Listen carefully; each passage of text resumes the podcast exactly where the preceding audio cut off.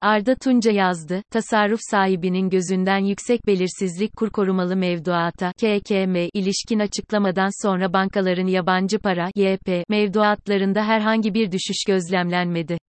Bilginin kaynağı, Bankacılık Düzenleme ve Denetleme Kurumu, BDDK.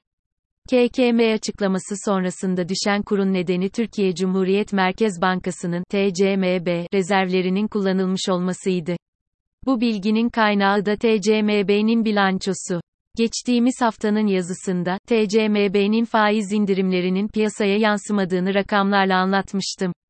Kamu borçlanma maliyetlerindeki artışa odaklanmıştım.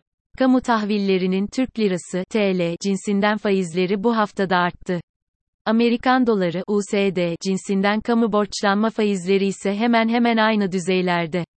Bu yazıda, TCMB'nin politika faizinin piyasa faizlerinden nasıl koptuğunu bu defa kamu sektörünün borçlanma faizleriyle değil, özel bankaların borçlanma faizleriyle ele alalım. Günlük ekonomi tartışmaları teknik kaçabilir. Ortaya çıkan bir sonucun neden ortaya çıktığının mantığını anlamak gerekiyor. Bu amaçla, TCMB faizinin neden piyasada serbestçe oluşan faizden koptuğunu anlamak için tasarruf sahibinin mantığını anlamamız lazım. TCMB'nin politika faizi, TCMB'nin bankalara sağladığı kaynağın faizi. Ancak bankalar, çok büyük ölçüde tasarruf sahibinin kendilerine emanet ettiği para olan mevduat ile kaynak yaratıyorlar. TCMB'nin politika faizi indirimlerine başladığı 23 Eylül 2021 sonrasında, bankaların mevduat faizleri düşmüştü. Bankalar, kendileri için en önemli kaynak olan mevduatın maliyetini düşürmeye çalışmaktaydı. Ancak, mevduat faizlerindeki düşüşün kredi faizlerine sınırlı olarak yansıdığını gözlemlemekteydik. Piyasa faizleri kendi kendine oluşmuyor 23 Eylül 2021 sonrasında, bankaların mevduat faizlerindeki düşüş, tasarruf sahibinin dayanamayacağı bir noktaya ulaştı. Enflasyon yükselirken düşen mevduat faizini tasarruf sahibi bir noktadan sonra kabul etmedi. Paralarını mevduat dışında değerlendirmeye yöneldiler. Bunun üzerine bankalar, mevduat faizlerini yukarı çekmek zorunda kaldı. Çünkü tasarruf sahibi, yükselen enflasyon karşısında daha fazla ezilmek istemiyorum, demiş oldu. Böylece, özel bankaların maliyeti yükseldi. Bankalar, en önemli kaynaklarını kaybedemezlerdi. Bu maliyet yükselişi kredi faizlerine de yansıdı. Kredi faizleri de yükseldi. Piyasanın faizleri yükselirken, 23 Eylül'den itibaren politika faizini %19'dan %14'e indiren TCMB, piyasanın dışında kalmış oldu. Piyasa faizleri kendi kendine oluşmuyor. Piyasa faizini belirleyen, tasarruf sahibinin tercihleri. Tasarruf sahibi, TCMB'nin enflasyonu dikkate almayan faizi temel alınarak oluşturulan bir faiz ile tasarruf tutmak ister mi? Yılların emeğiyle biriktirdiği parasını enflasyona ezdirmek ister mi? Tasarruf sahibinin parası ile ilgili aldığı karar, bankaların mevduat ve kredi faizlerini etkiliyor. Piyasada oluşan faizlerin yükselişinde, tasarruf sahibinin kararlarından başka etkiler de var, yazının anlatımını mümkün olduğunca basit tutmak için diğer etkilere yer vermiyorum. Oluşan faizde temel etki tasarruf sahibinden geliyor. Tasarruf sahibinin kararları önemli. Tasarruf sahibinin kafasında hangi soruların oluştuğuna bakalım. TCMB'nin 18.36'ya kadar yükselmiş olan USD TL kurunu yaklaşık 10.30 seviyesine indirmesi rekabetçi kur isteği ile ne kadar uyumlu? Kurdaki yükseliş ile ihracatın artması ve mevcut ekonomik koşullara 6 ay katlanılması istenmiyor muydu? Her yılın sonunda artan nakit ihtiyacı nedeniyle piyasada likidit sıkışıklığı yaşanır.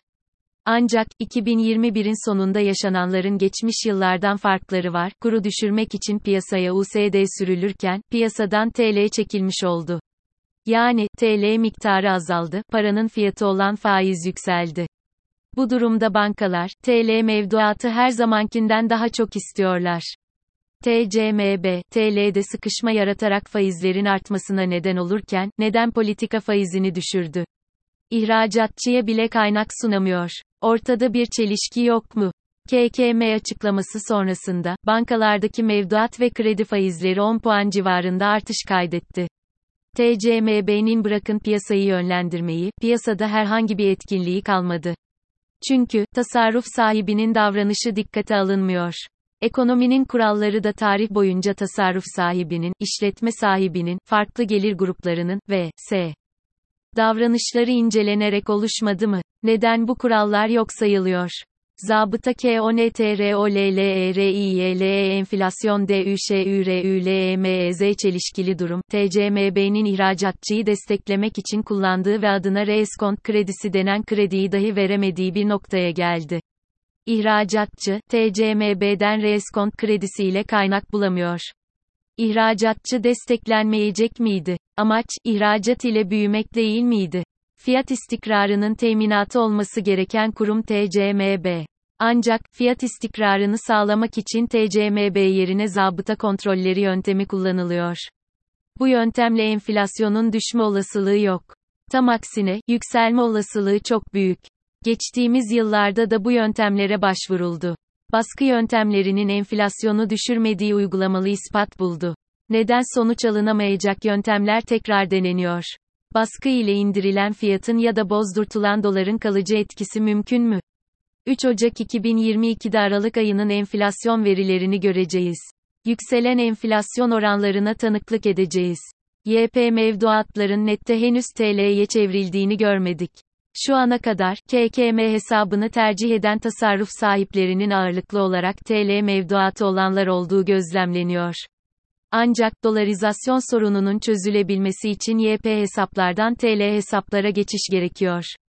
KKM hesaplarına uygulanacak faizin formülü politika faizine 3 puan ilave edilmesi olarak ilan edildi. Politika faizi bugün %14, yani, KKM hesaplarının faiz oranı %17. Piyasada, KKM haricindeki mevduat hesaplarında %20'nin üzerinde oranlar bulabilmek mümkün. Çünkü, enflasyon %20'nin üzerinde. O halde, KKM hesaplarına tasarruf sahiplerinin geçmesi beklenebilir mi? Üstelik, TCMB'nin şimdilik beklendiği üzere Mart 2022'den sonra faiz indirimleri söz konusu olacaksa, TCMB'nin kura müdahalelerine rağmen kurda yükseliş söz konusu. Sadece 3 ay gibi bir sürede 8.63'ten 18.36'ya yükselen USD, TL kurunun 10.36'ya düşmesinin piyasada moral düzeltmesi mümkün değil. Bu satırları yazarken, USD, TL kurunun günlük %5-6'lık yükselişlerle yeniden 13.40'ın üzerine çıkması aşırı oynaklığın göstergesi. Bir başka önemli noktanın da göstergesi, KKM hesaplarını USD mevduatlardan net geçiş olmadığı gibi, düşen kurdan YP talebi söz konusu. Soru, KKM hesapları dolarizasyon sorununa çare olamayacaksa, ekonominin sorunları ekonomi kurallarına aykırı yöntemlerle nasıl çözülebilir? Birbirine zıt politikalarla ekonomide sonuç ÜRETİLEMEZ tasarruf sahibinin gözünden oluşan sorular sonrasında, kendi yorumlarımla yazıya son vereyim. Türk finans sektörü, özellikle 2018'in kur krizinden bu yana, birbiriyle zıt yönlü ekonomi politikası uygulamaları nedeniyle sağ ve sola savrulur durumda. Bu uygulamalarla bankalar için istikrarlı kredi stratejileri ve fiyatlama politikaları belirlemek mümkün olamıyor. Ekonomi politikalarının yarattığı riskler nedeniyle hukuki takibe düşme riski artan kredilerin tedirginliği de söz konusu.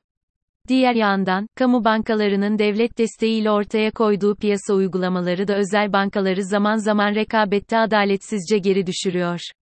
Finans sektöründeki dengesizlikler mal ve hizmet piyasalarına da dengesizlik olarak yansıyor. Bankalar, TL kaynak sunamıyor. Kaynak sunduğunda da vade kalmadı. Kredilerde, azami vade 3 ay dolayında. İthalata bağımlı Türkiye'nin kur oynaklığı nedeniyle mal ve hizmet piyasalarında yavaşlaması söz konusu.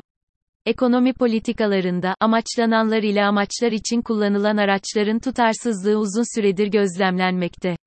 Tüm kavramlar birbirine girdi. İktisadın bilimsel kurallarından dışarı çıkıldığı sürece, uygulanacak temel kurallara uygun olmayan yöntemlerin ya da araçların ekonomi politikasının hedeflediği sonuçları üretmesi mümkün değil. Herkese iyi yıllar.